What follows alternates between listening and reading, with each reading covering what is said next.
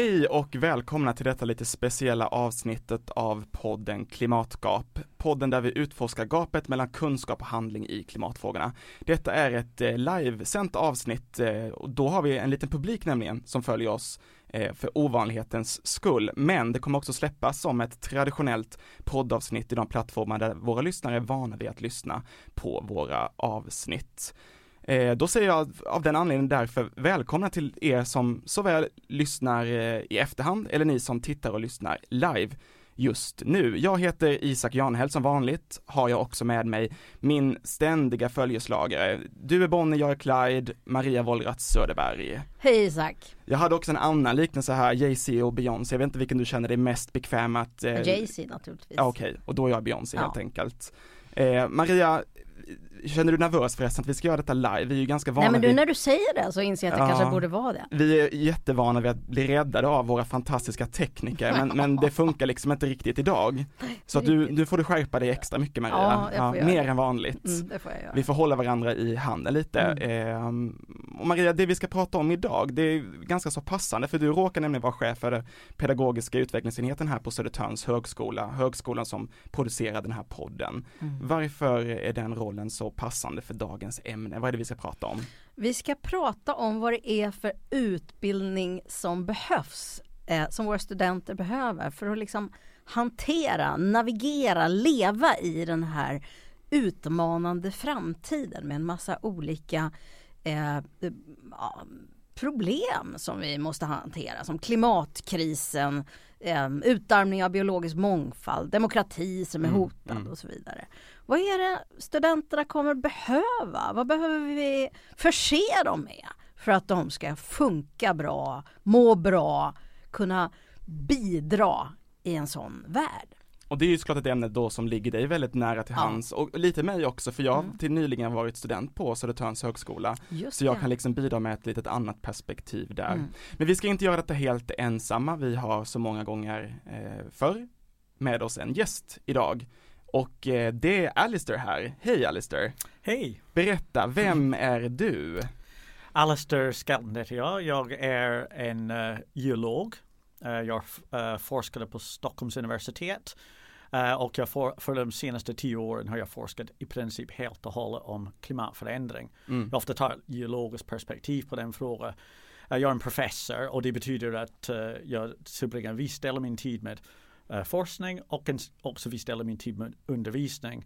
Jag även sitter i, eh, som vice ordförande i grundutbildningsberedning så jag, eh, eh, på Stockholms universitet. Så jag har ganska bra koll på utbildningsfrågor i just i alla fall ja. mitt universitet. Vad härligt, det känns som helt rätt person vi har bjudit in helt ja, enkelt. Det vet vi inte än, men vi gör så gott som vi kan. Jag tänkte jag skulle börja fråga dig Alistair, den här podden utforskar just gapet eh, mellan kunskap och handling och din, din kunskap är ju såklart gedigen. Hur ser din handling ut? Har du ett eget glapp emellan det du vet om klimatförändringen och hur du faktiskt eh, lever sen. Det där kan ju vara ganska klurigt har vi kommit fram till i den här podden.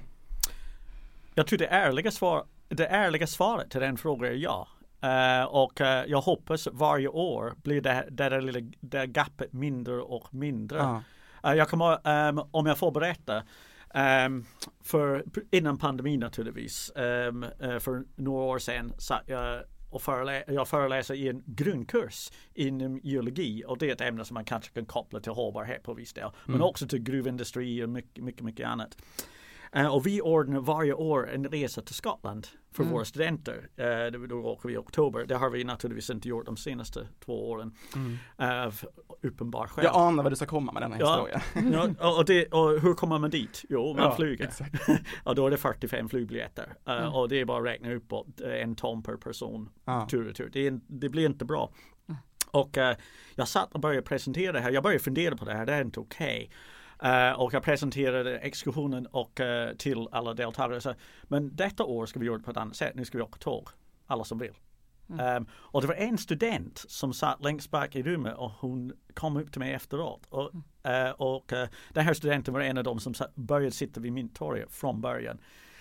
och hon, um, hon berättade för mig, för mig hur tacksam hon var. Och det var det första gången jag gick över det glappet. Dock, jag ska säga hon och tre andra och tåg med mig. 40 flög. Så vi, äh, glappet, är stort, Mm. ga, äh, gapet heter Gapet, det. Glapp. ja men precis. Det är stort. Man kan säga glapet, äh, Ja. äh, glappet också men vi har liksom valt gapet äh, Ja just det. som vår Är grej det lite här. svengelska eller? Men jag tycker att det är spännande med dig Alice därför att jag har ju sett att du har eh, ägnat dig åt det som man eh, brukar ibland i våra kretsar kalla för samverkan på ett ovanligt aktivt och eh, engagerat vis. Alltså eh, med, med dimensioner av eh, ja, men, eh, vad ska man säga, interaktion med aktivism, en dialog liksom med, med, med, med aktivism. Och det tycker jag är väldigt spännande. Kan du säga någonting om det innan vi fokuserar mer på utbildning? Absolut. Mm. Menar, universitetet har, har ju sina tre roller, forskning, Mm. utbildning och samverkan. Det är ett väldigt Mm. brett begrepp, samverkan. Eh, just i, när det gäller klimatkrisen, jag ser det som en utbildningsfråga, men Mm. jag ser inte den, eh, det, ehm, jag ser inte det bara för utbildning på universitetet. Mm. I universitetet sitter vi på kunskap. Och vi, vi, vi vet att det här är superallvarligt, Mm. klimatkrisen. Mm. Och eh, I mean, man har sina gåvor. Jag är ganska okej på att föreläsa för allmänheten Mm. så jag använder den bara. Mm. Och föreläsa och då eh, genom sådana plattformar som Researchers Desk då sitter Mm. man och berättar för alla om, Mm. om klimatkrisen. Jag tycker det är dödsviktigt. Mm. Men jag ofta, ehm, men jag började här med att gå ut i skolor och Just prata det. om geologi. Och, det. eh, vi, ska ta, vi ska ta tidsresor tillbaka till dinosaurier. Så jag fick ganska mycket erfarenhet Mm. eh, innan jag började föreläsa om klimatkrisen. Men visst har du också varit en av dem som har funnits till hands vid det som Researchers Desk började med, nämligen en bänk på Mynttorget när ungdomar eh, skolstrejkade. Eh, d- syftet med bänken var Ja. att allmänheten, många, många personer i världen är oroliga framför Ja. klimatkrisen. Och vad vi fanns där för och kommer finnas direkt efter pandemin igen är för att kunna svara på frågor, Mm. Ge det. vetenskapliga svar. Mm. Det är alltid bättre att kunna än att inte kunna Mm. när man står framför en kris. Ja, väldigt spännande. Men vad säger du eh, Alistair? Vad är det vi behöver göra för att eh, rusta studenterna för att liksom kunna ha- hantera de här utmaningarna vi står inför på ansvarsfulla och kraftfulla vis? Att vi behöver för, fokus på klimatlösningar. Mm. Ehm, vi har varit väldigt bra på att utbilda inom att man kan lära sig det naturvetenskapliga, alltså det finns en kris. Mm. Det vet vi. Vi behöver utbilda mer i lösningar, alltså var, var, eh, var kommer, vad kommer göra med allt det här koldioxid vi har släppt ut? Hur får Mm. du bort den? Mm. Och, men absolut viktigast är beteendeförändring. Mm. Och den är utanför mitt område helt. Mm. Jag är naturvetare men jag ser att vad vi måste bygga på är utbildning om klimatkrisen i humaniora. Mm. Alltså lyfta det här. Um, det är en, det, när man tittar på IPCC, IPCC alltså klimatforskares kurvor, man ser vi har olika framtidsscenario. Mm. Varför? Vi vet inte hur människor agerar. Nej. Så om vi ska utrusta en- inte bara för ungdomars skull, Mm. för alla skull. Om vi Mm. ska utrusta med bra, eh, f- framtidsgenerationer Mm. med bra kunskap, det kommer att ligga fokus på hur kommer vi att få människor med och verkligen ställa om. Mm. Vi har pratat väldigt mycket i den här podden just hur man ska få med sig människor och vilka man ska rikta sig till och baserat mycket på var utsläppen finns och sådär också såklart. Och vilka som är villiga och vilka som kan göra förändringar och vilka som har kunskapen och sådär. På vilket sätt är människor som läser på högskola och universitetsnivå en viktig grupp att utbilda i, i kunskap om klimatförändringarna? De är framtidens beslutsfattare. Och de blir beslutsfattare väldigt snabbt. Mm. Så det är, och de är framtidslösningshittare. Det är de som kommer att hitta på fiffiga sätt att få koldioxid ner i berggrund, i marken. Mm. Ehm, det är, ehm, de, jag kan inte tänka på något mer viktig målgrupp. Nej. Men när du säger så här, då får jag eh, tanken att det, den viktigaste kompetensen egentligen kanske inte är kunskap i, i så här diskret mening som vi brukar tala om det på, på, på universitet, utan handlingskraft. Och eh, är det vår uppgift? Och hur utbildar man i handlingskraft? Ehm, du kan svara bättre än jag kan på Ja. hur bildar man Ja. i handlingskraft. Ehm, att vi behöver lägga fokus på handlingskraft. Mm. Ehm, kanske det är inte the ideal world men det Mm. är vi står framför en kris. Vi har maximalt tio år Mm. har stä, helt ställt om för utsläppet ner till noll Mm. Ehm, och det är handling som gä- gäller. Eh, vi kan prata till sen. Just nu låter det är, Ja. vi, måste, vi, måste, vi måste utbilda en generation som, har, som känner sig modig, som Ja. kan ta på sig klimatkrisen och så kan sparka oss själva i rumpen så vi tar, på, tar Ja. tur med klimatkrisen. Och det har de visat sig vara väldigt duktiga på. Mm. Du ska, Nej, du ska ja. tänka att eh, alla de som du först sa vid Mynttorget, Mm. de sitter hos oss i våra universitet. Mm. Det är de vi utbildar. Det kan, Just vara, det. det. kan vara lite two way. Jag tror vi kan lära oss. Det, det, det ger ju en fantastisk möjlighet på sätt och vis. För där Mm. fanns ju handlingskraften redan, redan från, eh, från början. Men vi kan göra den här Ja. handlingskraften starkare med kunskap. ja, Alltså om vi, vi, vi kan nästan säga vi, vi lämnar över ammunition ja, i kunskap så att de här handlingskraftiga ungdomar kan verkligen påverka. just det. Samtidigt kan man ju konstatera att, att eh, den här handlingskraftningen behövs ju hos den liksom, liksom majoritetsdelen av befolkningen. Eh, det ena behöver ju inte utesluta det andra men det är liksom inte absolut viktigast att, att börja redan i, i, i grundskolenivå så att säga. Nu vi är tillbaka lite till den här frågan varför just högskoleutbildningen är en så viktig del att, eh, att nå ut med den här handlingskraftigheten till, om man får använda ett sånt där litet konstigt ord. Men alla, alla delar är viktiga men vi är högskolelärare. Ja, Eh, man ska titta hemma Mm. först när man ska Mm. städa. Det är lite när vi pratar om utsläpp. Eh, man kan sitta här i Sverige och skilja på något annat land. Det hjälper inte utan man tittar på det egna utsläppet. ja. Eh, och när vi tittar på hur, vad kan vi göra för handlingskraften mot klimatkrisen. Vi kan utbilda. Det är det vi har tränat för. Jag kommer att tänka på mitt livs kanske viktigaste upplevelse när det gäller handlingskraft. Det var när jag var i 14-årsåldern och så satt jag med några kamrater och eh, eh, vi pratade om rymden. Det hade hänt någonting. Jag minns inte om det var en satellituppskjutning eller någonting sånt där. Och så sa vi vad kul det skulle vara att träffa en astronaut. Eh, och då ropade min gudmor som fanns i, i, i rummet bredvid, ja men ordna det då. Och vi skrattade och tänkte det kan man väl inte göra. Liksom. Men så efter ett tag så hade hon kontaktuppgifterna till eh, Edgar Mitchell som hade varit på månen andra månlandningen. Och sa skriv till honom eh, och fråga om han vill träffa er. och det gjorde vi. Och eh, eh, frågade om han ändå skulle komma kanske till eh, eh, Europa något och i så fall skulle vi ta hand om honom om han kom. Om han ville berätta lite grann om sina erfarenheter. Och han svarade, jag kommer. Och vi träffade honom på, han bjöd in oss på frukost på Sheraton Hotel och så drog vi runt med honom på stan. Och den stora upplevelsen här var inte att eh, få höra om hur Edgar Mitchell hade eh, åkt till månen. Utan det var insikten, så här kan man göra. Man kan ta en kontakt, man kan skaffa sig kunskap, man kan alltid fråga. Eh, det har format mig väldigt, väldigt mycket och jag funderar över om inte de här sakerna är kanske viktiga kompetenser. Så hur, närmar, hur, hur tar man reda på någonting man vill veta? Hur tar man en kontakt? Hur ber man om någonting?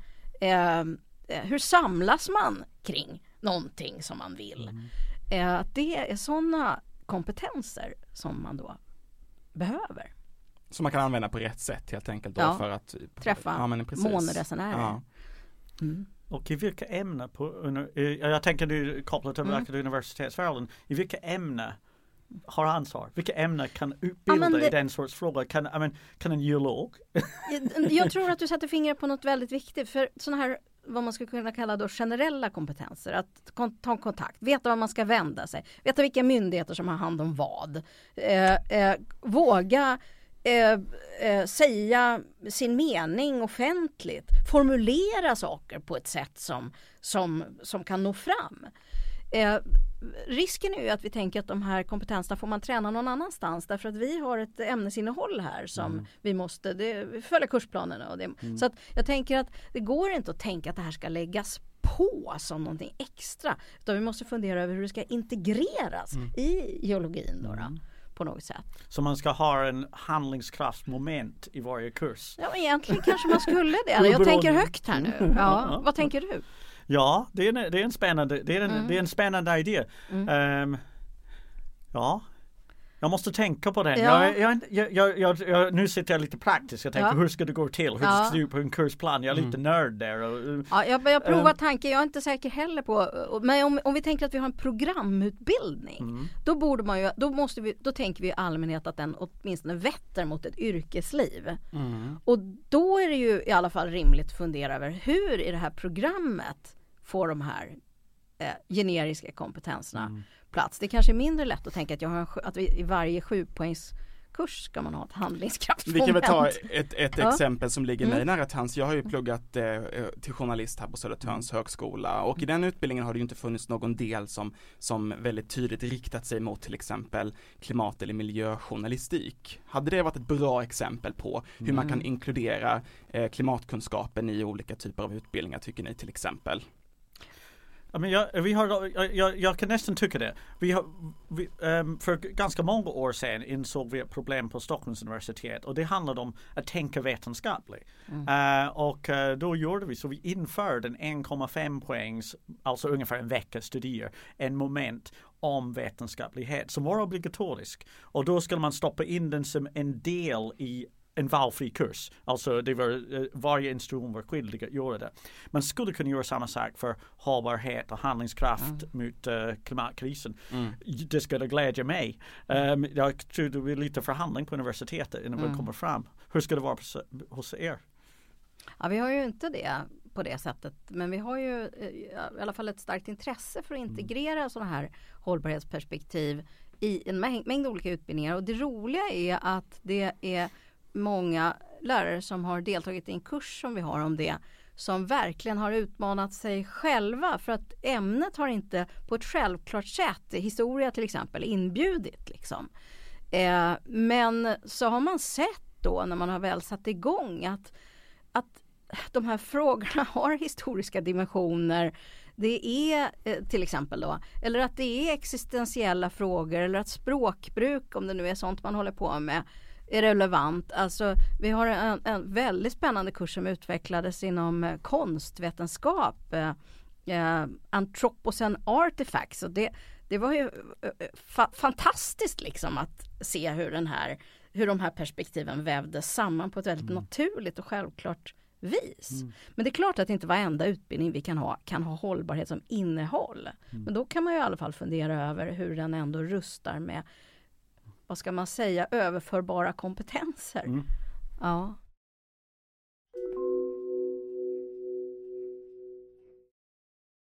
Men klimatkunskapen ligger ju ändå närmare inom vissa typer av utbildning. Vi var inne på mm. geologin till exempel. Men om man flytt, flyttar sig in till humanioran då till, som ett eh, kanske lite, inte lika självklar ingång på något sätt. Vad är det för typer av kunskaper som eh, personer inom de här utbildningarna behöver med sig? Är det den naturvetenskapliga eller var det det som vi var inne på lite mer innan att, att eh, liksom kunna förflytta sig i de här frågorna och veta vem, vem man ska hämta kunskap ifrån och så vidare. Vad säger ni om det? Um, i mean, jag tror du sätter fingret på någonting väldigt viktigt. Uh, och det är att när vi ska ta itu med någonting så gigantiskt som klimatkrisen som har ett, en sida som handlar om människors beteende, en sida som handlar om geokemiska kretslopp. Um, man behöver vara, ha en väldigt bred uh, kunskapsbas. Mm. Och uh, en sak som jag vill gärna se att om du läser i humaniora då måste du läsa en liten avsnitt i naturvetenskap och definitivt tvärtom. Alla mina geologer ska känna mycket på att läsa en Uh, en, en kurs i alla fall in humaniora uh, där man just på grund av klimatkrisen kanske fokus ska vara beteendevetenskap. Mm. Men om vi inte hade klimatkrisen det kanske var någon annan fokus. Det breda kan vara bra. Uh, ofta jag tänker på i en, i en utbildning här i, i detta land, det är väldigt fokuserat. Jag kommer in, jag ska läsa geologi, mm. då läser mm. jag men det här att det var att, breda ut lite grann. Man har naturligtvis sina valfria poäng så man kan välja vad man gör. Men det är inte obligatoriskt så man brukar välja inom sitt ämne. Och dessutom brukar det vara vissa ramar mm. även för, mm. för vad som är möjligt att välja där. Men det där det här med det breda perspektivet det tror jag är jättebra. Men jag tänker också att en en infallsvinkel det kan vara att man använder sitt, man har något moment i sin utbildning där man använder sitt ämnesinnehåll i hållbarhetens tjänst på något sätt. Mm. Där man liksom ser hur kan mitt ämne, om det nu är eh, engelsk litteratur eller om det är mm. vad, vad det nu skulle kunna etnologi och så vidare. Mm. Vad, vad kan det, hur kan det vara, ett, ett, vara glasögon för att se viktiga mm. saker som har att göra med hållbarhet. Mm. Eller för att göra viktiga saker eller för att hitta sätt att Eh, ändra beteenden och så vidare. Ja, men här, ser, mm. här kan jag se nästan, mm. jag, ser, jag ser väldigt positiv utveckling mm. på universitetet. Nu har jag mest kunskap om vad som händer på natursidan. Mm. Men jag noterar kemister, fysiker, biologer, eh, geologer, geografer, de alla tar in Mm. Hur kan jag tillämpa detta ämne, lösa klimatkrisen? Ja. Det finns ja. redan. Uh, och jag hoppas att det händer humaniora. Fast inte lika mycket. Men jag ser att det börjar röra på sig. Mm. Att det finns definitivt ett mm. intresse. Men det är kanske inte lika mycket. Men jag tänker på en annan sak. Jag tänker på att det finns några karaktärsdrag i de här hållbarhetsfrågorna som eh, vi, jag tror vi behöver förhålla oss till. Och ett sånt har eh, eh, Arjen Walls eh, eh, lyft fram och det är att det är ett wicked problem. Alltså det, det är väldigt komplexa problem som innehåller målkonflikter och som är sliriga, värderingstyngda, känslomässiga och så vidare. Och vi har varit väldigt bra på raka motsatsen till det här inom den akademiska världen. Att, att tänka distant, att eh, fokusera på ett perspektiv åt gången, att, eh, att frigöra oss från känslomässiga dimensioner och värderingar och så vidare.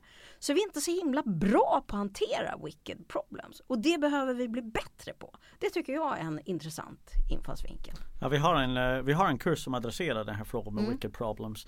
Uh, och det, I mean, jag, jag tycker det, det är jätte, jag tror det stora problemet det är mm. jättesvårt. Mm. Hur kan man lösa vilket problem? Mm. Kan vi, har vi förmåga att utbilda någonting vi inte vet själv? Nej. Um, är det någon av oss som, I mean, om du löser den ena, den ena krisen då orsakar du en annan kris. Ja. Om man ska sammanfatta wicked problems ganska mm. enkelt.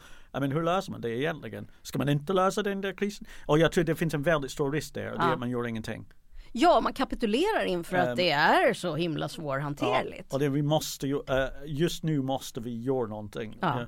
Um, och det, I mean, hur, vi måste få koldioxid ja. ner. Ja. Men, men just av den anledningen att, mm. att klimatproblematiken är så svår, att det är svårt att navigera sig i de, i de här problemen och svårt att förstå sig på. Är det inte farligt också att på något sätt inkludera en liten uns av det här gigantiska problemet i varje utbildning? Att, att lite blir ingenting istället, förstår du vad jag menar? Ja, det blir så ytligt. Vi liksom. har ju ändå liksom eh, naturvetare som, som kan de här problemen i grunden och förstår som eh, alla andra ämnesråd kan söka kunskap ifrån i efterhand sen när man kommer ut i arbetslivet. Förstår ni vad jag menar? Den här, ja, förstår, att lite ja. blir ingenting. Jag Finns förstår, det risk för det? Jag förstår vad du menar men jag tycker tvärtom. Okay. Uh, jag tycker det är, um, det ger value till en kurs. Jag ska om jag läser en kurs i kemi, det är ofta, jag undrar varför, varför behöver jag veta det här? Mm. Men när jag kan koppla den till, jag kan bidra till borttagning av koldioxid från atmosfären, då är det plötsligt hela resten av kursen får ett liv. Eh, så jag, jag, jag, även, om, även om jag förstår man kan inte kanske vara helt och hållet utbildad i just klimataspekten. Men att ta med den, det ger allt annat relevans. Men är inte ett av problemen att vi lämnar de här frågorna till experterna? Alltså om inte vi också känner att vi och, och, sen, och, sen, och sen vilar en massa av våra förhållningssätt som vanliga medborgare på gissningar istället. Jag tänker på att det blev, har blivit jättesynligt i i vår forskning om, vad som, om hur människor tänker när de agerar klimatskadligt på olika sätt. För att vi har fått syn på en massa missförstånd. Det verkar som att det inte nödvändigtvis är så bara för att man har allmän kunskap om klimatförändringarna så, så ändrar man beteende. Men det verkar finnas viss kunskap som är otroligt betydelsefull och där det finns missförstånd. Till exempel så är ett av de vanligaste sätten att så att säga eh, legitimera sin passivitet är att man tänker i termer av ett konto eller en sorts budget. Och där finns det massor av missförstånd som handlar om hur mycket utsläpp genererar olika typer av eh, eh, eh, eh aktiviteter. Man föreställer sig att man kan att man kan liksom källsortera sig ihop till sina resor och så vidare. Och, och, förstår inte proportionerna. Och man tror att man har låga utsläpp. För man har inte testat och räknat på det. För att man köper det där kravodlade kaffet och, och cyklar till jobbet. Och så har man inte liksom förstått storlekar. Eh, så, så det finns viss kunskap som verkar vara väldigt avgörande för beteendeförändringar. Det kan man också fundera om inte det är något som universiteten eller utbildning liksom borde ta ansvar för att rikta in sig på den typen av kunskap som faktiskt verkligen är betydelsefull. Så det ska vara en del av en utbildning att du ska beräkna din kolavtryck? Ja, eh, jag, jag har svårt att säga att jag tycker att det borde vara det i varje utbildning. Men man kan fundera över när man, när man funderar över vilka hållbarhetsperspektiv som är viktiga. Då kanske man skulle kunna zooma in på de som verkligen betyder mm. någonting. Eh, mm. och det har man ju sett i, i studier i, i, andra länder att läroböcker till exempel i, när man, som tar upp hållbarhetsperspektiv fokuserar ofta på eh, saker som är lätt lätta beteendeförändringar men som egentligen genererar väldigt lite utsläppsbesparingar. Mm. Medan de här stora frågorna som handlar om bilåkning, flygande, köttätande och många barn kommer i skymundan. Tror, Också för de är jobbiga att prata om. Jag tror att mm. Jag tror faktiskt att man ger befrielse till alla människor genom mm. att, uh, att ha Eh, att, att beräkna sin egen kolavtryck är ingenting svårt. Mm. Men man, och det skulle lätt man kunde ingå i mm. en kurs på universitet eller någon, eller för allmänhet eller för alla. Uh, det ger en frihet på två sätt. Det ger en handlingskraft, alltså man vet om jag gör det här, det här, det här, då minskar min utsläpp rejält. Mm. Annars är man lite i mörkret. Jag, jag gör det här och jag tror att det gör någonting men jag vet inte. Så det, det kan vara guld värt. Men det också ger man uh, anledning att påverka andra. Det ger mm. man anledning att sätta press på politiker mm. eftersom när man, om man gör sin cool budget man kommer att se att statens del är mm. mer, uh, de har redan för, staten har redan förbrukat allt du har att leva på. Ja. så, så då har man en bra mm. anledning att mm. piska, mm. piska mm. politiker och det kan vara så den, den befrielse man får. Men, jag, mm. men, men den, den för mig har plats i den samverkan. Det är, det är inte bara, det är alla Nej, det är som måste kunna göra det. Ja.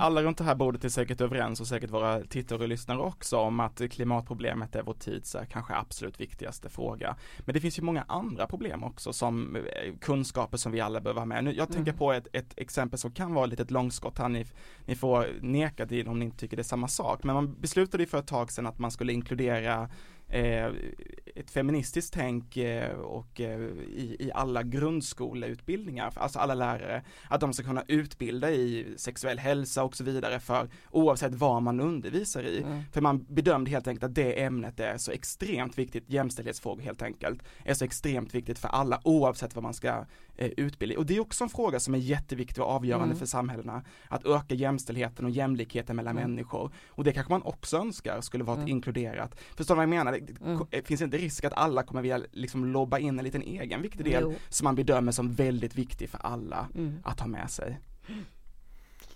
Jag tror det finns en risk uh, och jag kommer att göra vad många professorer gör. Så, um, jag har kompetens när det gäller klimatfrågan. Jag har inte kompetens när det gäller dessa frågor. Då ska det vara någon annan som uttalar sig mm. om de andra frågor. Jag som eh, geolog som forskar på klimatet, jag ser att den är en kris. Jag ser att den kommer att kraftigt negativt påverka hur mina barn och andras barn lever i en mycket kort tid framöver och då får lägga fokus på den. Men, jag, men uh, det kan mycket väl finnas en risk att man inte tänker på andra kriser, andra problem. Men då är det de som har kompetens därför ska ha ansvar, lyfta den, mitt mm. ansvar, lyfta klimatkrisen. Det, det, bygger på att vi alla är överens på något sätt om att det här blir den viktigaste frågan och, och, det är ju inte alla alltid helt överens om att, att det är den enskilt viktigaste frågan. Nej det är ett problem men jag undrar ändå om inte det är så att det delvis, eh, jag kan inte, jag inte heller, eh, det är inte heller mitt område eh, på, på det sättet jämställdhet.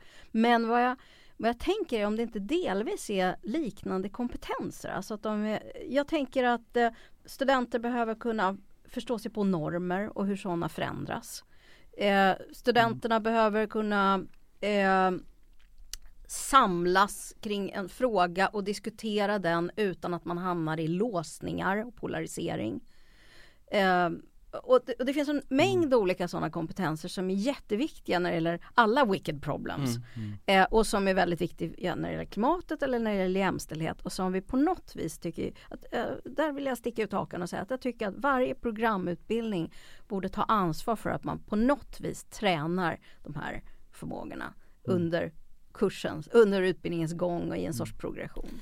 Jag håller helt med ditt mm. bredare perspektiv för den. Jag tror vi har ingenting att vinna genom att rangordna kriser. Um, jag behöver inte stå här och säga klimatkrisen mm. den, den sämsta krisen. Det är en mm. kris, den ska lösas. Um, och uh, att uh, rangordna dem hjälper inte oss. Mm. Utan är det, no är det någonting som är dåligt då ska vi rätta till det. Um, och jag tror när du tar den, det här bredare perspektiv på handlingskraft i utbildning, jag tror det blir bra. Så man kan använda den kunskapen, det kan man använda till olika problem då helt enkelt och appliceras på olika typer av, eh, av, av kriser. Eh, jag, jag, vill faktiskt dra fram en käpphäst till, handlingskraften ja. Jättebra, det fick du mig att tänka på här. Eh, men jag tänker också att självreflektionen är jätteviktig och mm. den är mm. bortglömd ofta mm. i, i, i, utbildningen. Vi, vi utbildar studenterna i de flesta utbildningar att bli rätt duktiga på kritiskt tänkande. Men det kritiska tänkandet handlar allt, nästan, allt, är nästan alltid riktat bort från en själv. Man tittar mm. på andras aktiviteter, andras texter, andras och så vidare. Men när vi eh, ser de problem som finns när det gäller ja, men ta klimatskepticism eller överhuvudtaget olika typer av olika grader av eh, förnekelse eller tröghet när det gäller att ta de här frågorna på allvar. Eh, då, då, då är de väldigt dåligt åtkomliga med kritik så att säga. Mm. Det är svårt att säga till någon eh, vaccinskeptiker eller klimat... Du kan inte tala den till rätta med mer kunskap.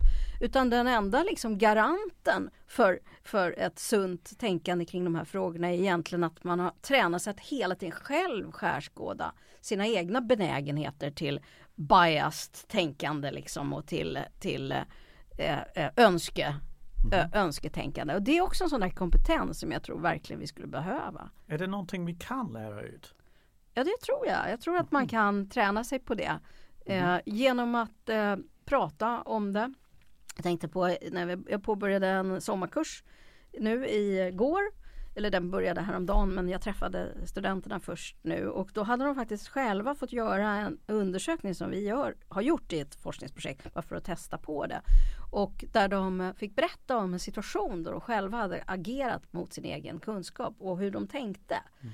Och de, de är häpnadsväckande självutlämnande och, och, och att de fick göra det här var ju delvis för att de ska förstå forskningsarbetet liksom, kring det här. Men också för att när vi gjorde den här forskningsstudien så räknade vi inte, vi räknade med att vi skulle få massa information men vi räknade inte med vad vi skulle sätta igång. Vi fick mängder med brev från människor som, som vittnade om hur nyttigt det hade varit för dem att tänka kring det här och hur det i sig hade fått dem mm. att ändra beteende. Så att jag, jag funderar över om inte sådana här moment av självreflektion också skulle kunna vara värdefulla i olika sammanhang. Svårt att, nu att liksom komma på hur det skulle kunna se ut i andra mm. ämnen än mitt eget. Men vi får återkomma till de mm. tankarna helt enkelt och mm. utveckla vi. vi är fria ja. att slänga ut tankar utan att ja. ihop slut. Ja det vet vi inte, vi kanske får skit efteråt.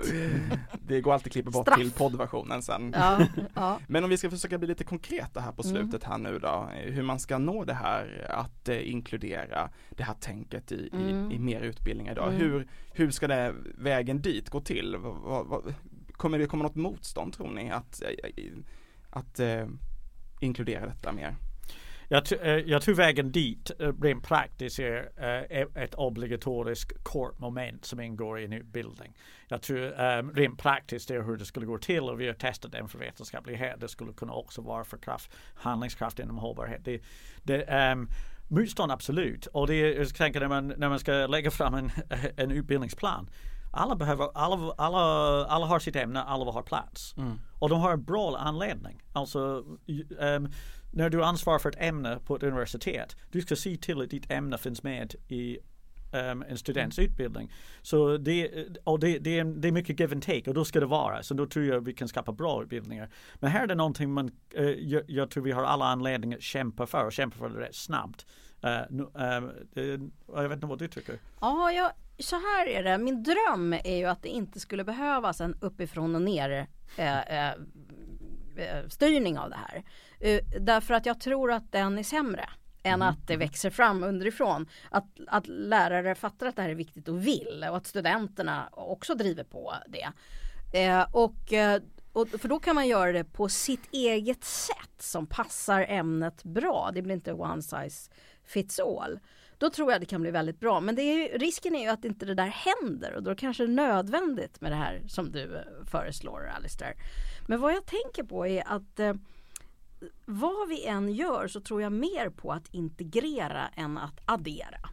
Eh, och därför det är då det också blir meningsfullt. Det blir inte en sån pliktgrej för studenterna. Utan, men, men integrering är svårt. Alltså det, det är utmanande. Det kräver en viss eh, liksom, pedagogisk ingenjörskonst för att, få, för att få till det så att det blir naturligt och bra. Men egentligen så tror jag att det behövs. Och jag tror att det är några enkla saker som vi kan göra. Till exempel jobba mer med autentiska uppgifter. För att Förlåt. jobba mer med autentiska uppgifter. Mm. Vi, vi, studenterna gör enormt mycket låtsasarbete, alltså mm. artificiella uppgifter.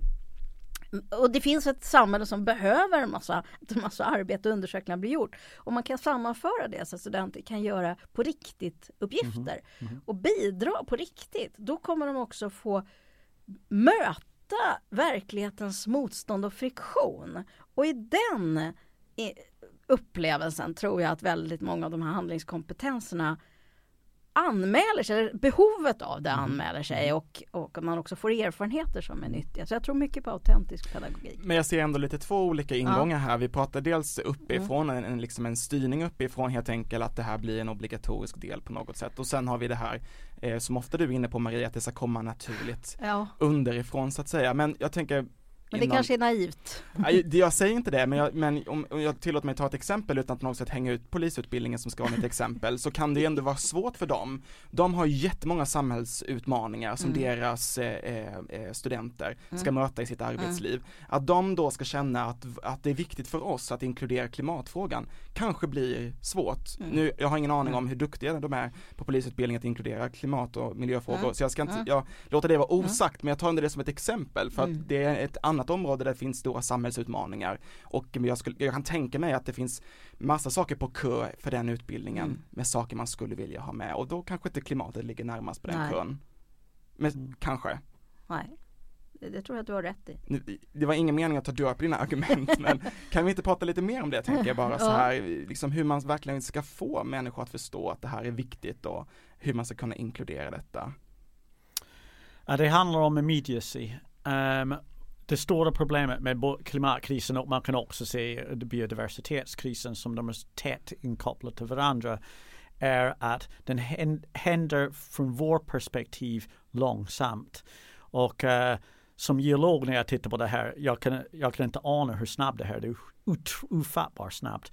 Men eh, det är eftersom jag jobbar på tidsskala på miljontals ja, år. Um, och, uh, men någonting skulle hända under mitt livs tid. Ja. Alltså en geologisk förändring. Och du tittar på förändringar som hänt under tusentals ja. eller miljoner men, uh, år. Här, och nu tittar vi på en geologisk förändring under ja. mitt och ditt livs ja, tid. Exakt. Det är ofattbart snabbt. Men det här känslan för att det är bråttom, det är immediate, mm. är jättesvårt att nå fram med. Och jag tror det är den viktigaste, viktigaste vi kan göra. Mm. Pandemin, det är lite lättare att begripa det nu.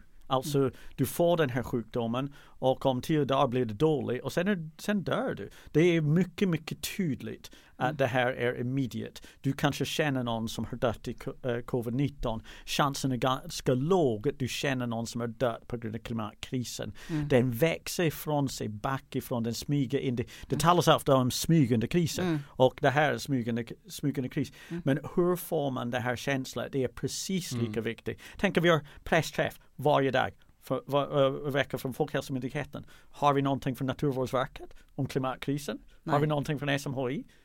Men, men, tar vi det här på allvar? Och man skulle Nej. ju kunna beräkna antalet dödsfall kopplat till klimatförändringarna redan nu. Alltså, eh, för du sa ju att det, att det eh, det är inte lika lätt att se, men det skulle gå att beräkna. Fast det är inte det... din mormor, det är det som är problemet. Ja. Mm. Ja, eller pappa eller Också det är alltid man, när man, när man ser det här dödsfallet på grund av klimatförändring, mm. om, man, om man är skeptisk till den, man har argument varför, ja ah, men det är också det här faktorn eller den här faktorn. Mm. Det är inte så superenkel att bevisa. Det här är en smygande kris. Du kommer inte mm. få någon blixt mm. från himlen och säger nu, nu, nu är det mm. här. Mm. Alltså som när WHO kallade, kallar coronapandemin för en pandemi. Mm. Den dagen kommer inte.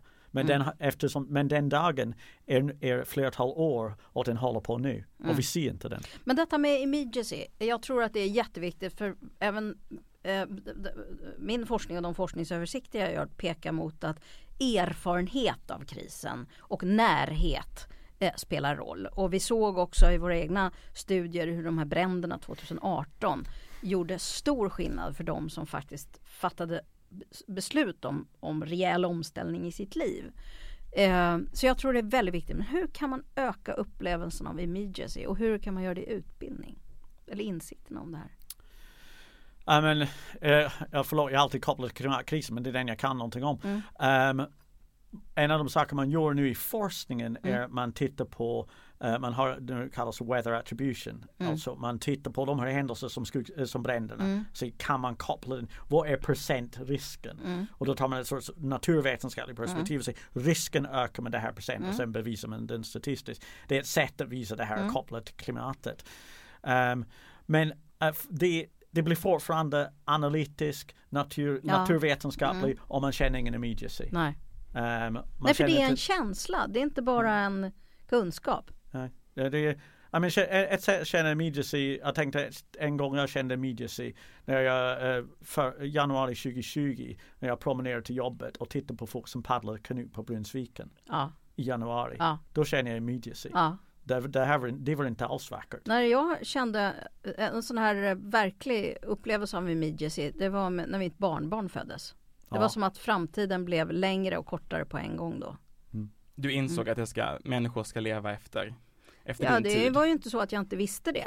Det var Nej, bara jag det att det var en liksom djupt existentiell grej. Mm. Om man tittar på tre graders scenario Ja. och tittar på din, din barnbarn. Ja, det är det är just det ditt barn, barn Ja. kommer att uppleva Ja. om vi inte agerar. Men, men vi, det, den, alltså att vi kan ju inte hålla på och ägna oss åt att skapa liksom sådana situationer åt våra studenter i utbildning. Men frågan är om vi inte ändå skulle kunna prata om det mer. Alla har någon liksom sån upplevelse och de kanske vi kan dela för även andras vittnesmål. Alltså jag blir berörd av när, du säger det här om, om, om kanotisten på Brunnsviken. Eh, och det är en annan typ, det är en annan kanal liksom. Jag tycker den är bra. Ja. Jag har faktiskt Mm. hållit på med ett forskningsprojekt om hur berättelser kan Mm. hjälpa med eh, omställningen. Jag tror, Mm. det, jag tror det kan vara en mycket, mycket viktig eh, grej. Gör låta, låta, låta Mm. all, det, du, du talar om självreflektion. Det Mm. kan vara en väldigt bra case study. Mm. Alltså du reflekterar om Mm. vad, är, vad, är den vad är det du förlorar i klimatkrisen Mm. just idag? Men en, en liksom, sista avgörande fråga, bara för vi verkar vara ganska överens om att vi vill inkludera det här mer i utbildningen och då kommer den här Mm. tråkiga frågan, vem har det yttersta ansvaret för att det här ska hända? Är det politiken, är det rektorerna på högskolorna, är det institutionerna själva? Det är alltid den som beslutar som har ansvar. Eh, det är en ganska enkel fråga. Och vem är det i så fall? Eh, på universitetet vi har eh, vi, vi utbildar fakultetsvis alltså så det blir om, vår fakultetsnämnd som har kommer har ansvar för att verkställa den. I mean, I mean, universitetsrektor kan antagligen säga till men, men vår rektor har redan sagt till. Vår rektor har satt igång klimat, klimatfärdplan så det är bara att följa den. Fast Håller du- jag tänker att, eh, eh, att eh, ska det hända något då, och ska det hända bra då är det väldigt mycket vi lärare och gärna i samarbete med studenterna som kan få det att ske. Och det är otroligt mycket man kan göra utan något Absolut. direktiv uppifrån. Eh, och utan att kompromissa med, det, med den vetenskapliga integriteten eller med det innehåll som finns. Det handlar väldigt mycket om hur man designar aktiviteter för studenterna, vilka perspektiv som man har, har med i rummet, vilka exempel man tar, vilka case studies och så vidare. Så att, så att eh, det, eller vilka case menar jag. Så att det finns ändå rätt mycket man kan göra och i- har man möjligheten har man också ansvar tycker jag. Jag håller helt med dig. Mm. Man ska se det här som two way. Alltså man möts i mitten. Du kan, du kan Mm. inte leda genom att fatta beslut som, ingen, eh, som Nej. du har inte medarbetare med. Alltså det måste vara two way. Ja. Så är du lärare du kan, du kan styra genom att säga det det är här vi vill. Ja. Det här gör vi. Är du en beslutsfattare på universitetet du kan styra genom att tillmöta det. Ja, och vi har beslut. faktiskt rätt mycket frihet inom ramen för våra kurser. Så Absolut. länge vi jobbar i arbetslag. Så vi, det är mycket svårare att köra det som en solospelare såklart. Alistair, tack så jättemycket för att du kom och gästade podden Klimatgap och tack så mycket Maria också oh, som vanligt. Tack Isak. Tack så mycket. Och tack till mm. alla som har tittat och lyssnat. Eh, och vi kan också säga att, att det här samtalet kan ju fortsätta. Det finns en grupp på Facebook som heter Klimatgap, eller en sida rättare sagt, eh, där man helt enkelt kan gå med och sen så kan vi fortsätta diskutera där, ställa frågor. Så lovar vi att vi ska försöka svara på era tankar eh, som uppkommer där. Tack så jättemycket för att ni har lyssnat. Klimatgap produceras av Södertörns högskola. Tekniker var Pontus Jut och Victoria Hummelstedt.